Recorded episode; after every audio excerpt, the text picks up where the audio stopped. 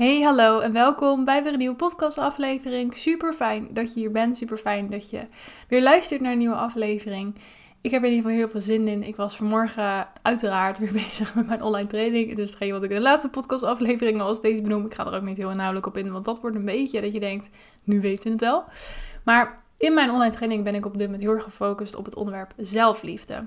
En een van de thema's die ik op dit moment aan behandelen ben in mijn online training is een stukje leren vergeven, zowel anderen als jezelf. Omdat in mijn optiek is ja, leren vergeven echt ultieme actie vanuit zelfliefde. En dan maakt het ook niet uit of het gaat om een ander vergeven of om jezelf vergeven. En ik denk ook dat op een stukje vergeven heel veel stigma's zitten. Dat mensen toch het gevoel hebben van ja, als iemand mij iets aandoet en ik vergeef diegene dat, dan keur ik het goed of dan accepteer ik het. En daarom vinden mensen het vaak heel lastig om te vergeven, omdat dat de gedachte is die er overheen schaduwt. Maar dat is in mijn optiek niet hoe het werkt. Dat is in mijn optiek niet wat vergeven is. Vergeven doe je in mijn optiek echt voor jezelf. Je gunt het jezelf om verder te gaan, om het los te laten, om het een plekje te geven. En daarmee keur je het gedrag van ander niet goed, maar je zorgt ervoor dat je het voor jezelf kan afsluiten, zodat je het niet bij je hoeft te blijven dragen, zodat je geen wrok hoeft te koesteren. Zoveel mensen lopen gerust jarenlang met schuldgevoel of met boosheid of met woede. En hè, ik ben er één van, hè. Laat ik ook niet doen alsof ik dat nooit heb gedaan. Dat in de tijd dat ik nog in de paardenwereld zat, gewoon echt als paardenmeisje, toen had ik een verzorgpaard en dat verzorgpaard en ik ben, ja, we waren echt maatjes. Hij was mijn alles en hij was ook heel eigenzinnig. Hij had echt, nou, echt wel een gebruiksaanwijzing, zei ik altijd maar. Alleen zijn eigenaar en hij, die hadden ja, eigenlijk geen connectie met elkaar. Gewoon, nee, het was, was er gewoon niet. Hij vond Ben te gevaarlijk. En nou, weet je, voor jouw beeldvorming, ik zat gerust zonder zadel, zonder bit zat ik erop. Voor mij was hij helemaal niet gevaarlijk. Maar hij had gewoon, hij had een beetje nukken af en toe. En op een gegeven moment was de eigenaar weer vanaf gevallen. Toen was de maat vol en toen werd besloten om hem in te laten slapen. En op die leeftijd, ik was toen 15, 16 uit mijn hoofd. Ja, ik kon nog helemaal, ik kon geen eigen paard betalen. Uh, dat zat er gewoon echt niet in. Ze wilde hem ook niet verkopen. Dus de enige optie was echt inslapen. En ik kan me herinneren dat ik me super machteloos heb gevoeld in die situatie. En dat ik ook echt heel erg boos ben geweest op. Want ik kon het gewoon niet begrijpen dat je dat kon doen. Ik stond daar zo niet achter. Maar ik kon ook niks. Het was echt, het was echt verschrikkelijk. En ik heb jarenlang heb ik wrok gekoesterd naar die mensen. Ik was zo boos. Ik heb echt, nou, ik heb echt, echt wrok gekoesterd. En dat is natuurlijk ook het ding met als je het niet kan vergeven, je blijft er zelf mee zitten. Dat is het beetje het ding. En dat merkte ik toen ook. En dat was pas ook toen ik het door had. Dat ik dacht, ja, ik heb hier alleen maar mezelf mee. Dat ik kon leren om het los te laten. Maar dat is wel uiteindelijk wat het is. Op het moment dat jij mensen niet kan vergeven, dan blijf jij gerust jarenlang met die negatieve, zware emoties zitten. En ik zeg ook heel bewust jij, want die ander die heeft dat niet. Die heeft misschien zijn eigen processen, maar die heeft geen last van, jou, van jouw gevoelens. Dat is echt iets wat jij jezelf aandoet. En dat klinkt heel hard om zo te zeggen. En natuurlijk, als iemand jou iets aandoet, dan mag je daar boos op zijn. Dan mag je daar gevoelens over hebben. Uiteraard, absoluut. Maar daarna moet je die gevoelens aankijken en moet je het een plekje gaan geven. En dat doen heel weinig mensen, waardoor ze wrok blijven koesteren. Nou, en dat is gewoon. Dat vind ik zo zonde. En het is echt de ultieme daad van zelfliefde om te leren vergeven. Alleen de vraag is altijd: ja, maar hoe vergeef ik zo'n situatie dan? Hoe accepteer ik dat zoiets is gebeurd, hoe geef ik het ooit een plekje? Nou, en daarmee zeg ik ook, hè, tuurlijk, je doet het jezelf aan. In theorie, als je wrok blijft houden, uh, dat is je eigen verantwoordelijkheid, daar ben je zelf bij. Maar dat wil niet zeggen dat dat gelijk verkeerd is. Ik vind het zelf heel belangrijk om de emoties die naar het oppervlak komen, als er iets gebeurd is, of ook al is het een tijdje geleden, om die emoties aan te kijken. Te erkennen dat ze er zijn. Erkennen dat er iets in jou is getriggerd. Dat is in mij natuurlijk echt stap 1. Daar heb ik het ook in mijn podcast over. Hè? Hoe ga je om met jouw emoties? Heb ik het er ook over. Ik vind het heel belangrijk dat je eerst jouw emoties aankijkt. Eerst doorvoelt van, oké, laat het maar gewoon allemaal even zijn. Op het moment dat je dat ook hebt gedaan, dan krijg ik meer helderheid. En dan kan je ook gaan aankijken van wat er precies in jou is getriggerd. Dat is namelijk hetgeen wat aangekeken moet worden. Want uiteindelijk, alle gevoelens zijn een reactie op een bepaalde gedachte. En dat is hetgeen wat aangekeken moet worden. Want op het moment dat je die gedachte kan shiften, dan kan je het ook vaak loslaten. Kijk, en dat is ook een moment waarop je dingen anders kan gaan bekijken. Neem bijvoorbeeld de situatie dat ik hoor nog wel met EG regelmatig dat mensen moeite hebben om hun ouders te vergeven voor hun jeugd, voor hoe ze zijn opgegroeid. Op het moment dat je alleen maar in die gedachten blijft hangen, alleen maar in die waarheid, dan is het heel moeilijk om vergeving te vinden. Maar op het moment dat jij dat gevoel kan doorleven en vervolgens het nog een keer aan kan kijken, dan kan je het ook vaak vanuit een ander perspectief bekijken.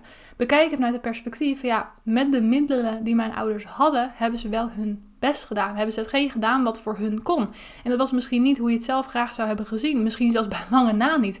Maar dat is wel de situatie die ze hadden en ze hebben geroeid met de riemen die ze hebben. En op het moment dat je het op die manier al kan gaan bekijken, dan vindt er al een kleine shift plaats. En dat is de shift die je nodig hebt om ja, intern vrede te kunnen sluiten met situaties. Dat je ook het los kan laten, dat je het kan vergeven, zodat je jezelf ook weer die rust en het fijne gevoel terug kan geven. Want uiteindelijk heb je echt alleen jezelf ermee, met, met de gevoelens waar je mee blijft zitten. En het ding is ook, wat ik daar altijd bijzonders vind, is mensen kunnen zoveel energie stoppen in het koesteren van wrok, dat ik denk, als je die energie in wat anders zou stoppen en iets wat je wel zou dienen, kun je nagaan wat je dan allemaal niet zou bereiken. Maar je kiest ervoor om het in iets te stoppen wat je helemaal niks gaat brengen. Hè? En daarmee wil ik echt jouw situatie niet bagatelliseren. Daarmee zeg ik ook niet dat je niet boos mag zijn. Je mag hartstikke boos zijn. Je mag, je mag gillen, wat mij betreft, schreeuwen, dingen kapot gooien. Ik vind het allemaal oké. Maar uiteindelijk is daarna wel de stap dat je dingen gaat aankijken. En dat je het gaat leren shiften op het moment dat je die emoties doorleefd hebt. Dat is uiteindelijk waar het om gaat.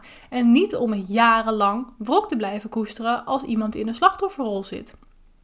En dat vind ik wel een hele belangrijk om te benoemen. En ik weet dat genoeg mensen dit niet leuk vinden als ik dit zeg. Want sommige mensen identificeren zich ook gewoon nog steeds met een slachtoffer. Omdat ja, ze vinden ook gewoon dat het hun is aangedaan. En dat klopt, het is je ook aangedaan.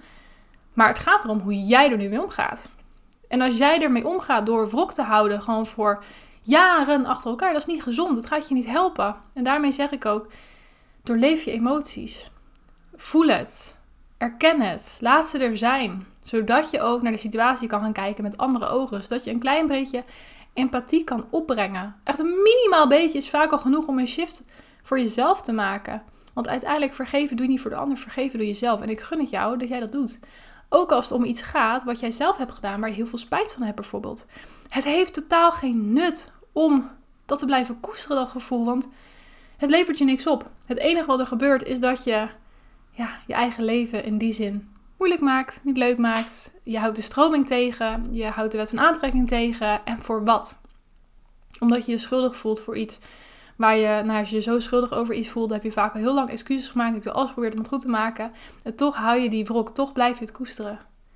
Ja, en dat is, vind ik zo zonde. En ook voor, voor die situaties, ook werkt hetzelfde. Erken het gevoel dat je dat hebt. Erken het. Kijk het aan, accepteer het.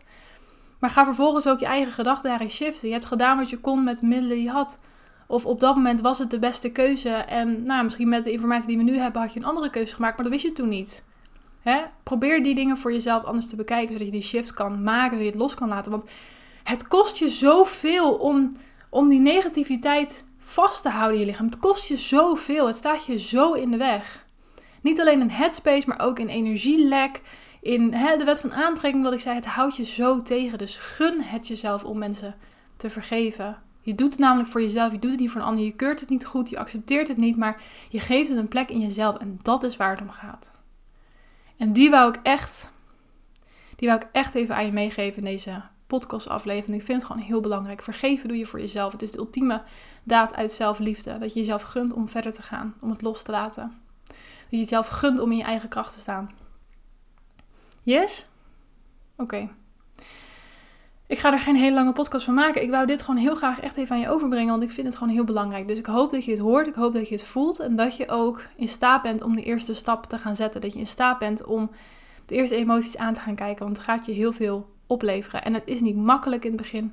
Dat weet ik ook, absoluut. Maar het gaat je heel veel opleveren. Dus Ga hier alsjeblieft mee aan de slag. Ik gun het je namelijk echt van harte dat je weer lekker in die up gaat. Dat je alleen nog maar fijne gevoelens kan voelen. En dat je de rest naast je neer kan leggen. Want dat gaat je zoveel brengen. Alright, goed. Dankjewel voor het luisteren. Fijn dat je hier bent. En ja, ik wens je ook een hele mooie dag toe. Dat zeg ik niet altijd in mijn podcast aflevering. zeg ik eigenlijk bijna nooit. Maar denk het wel altijd. Ik wens je een hele mooie dag toe.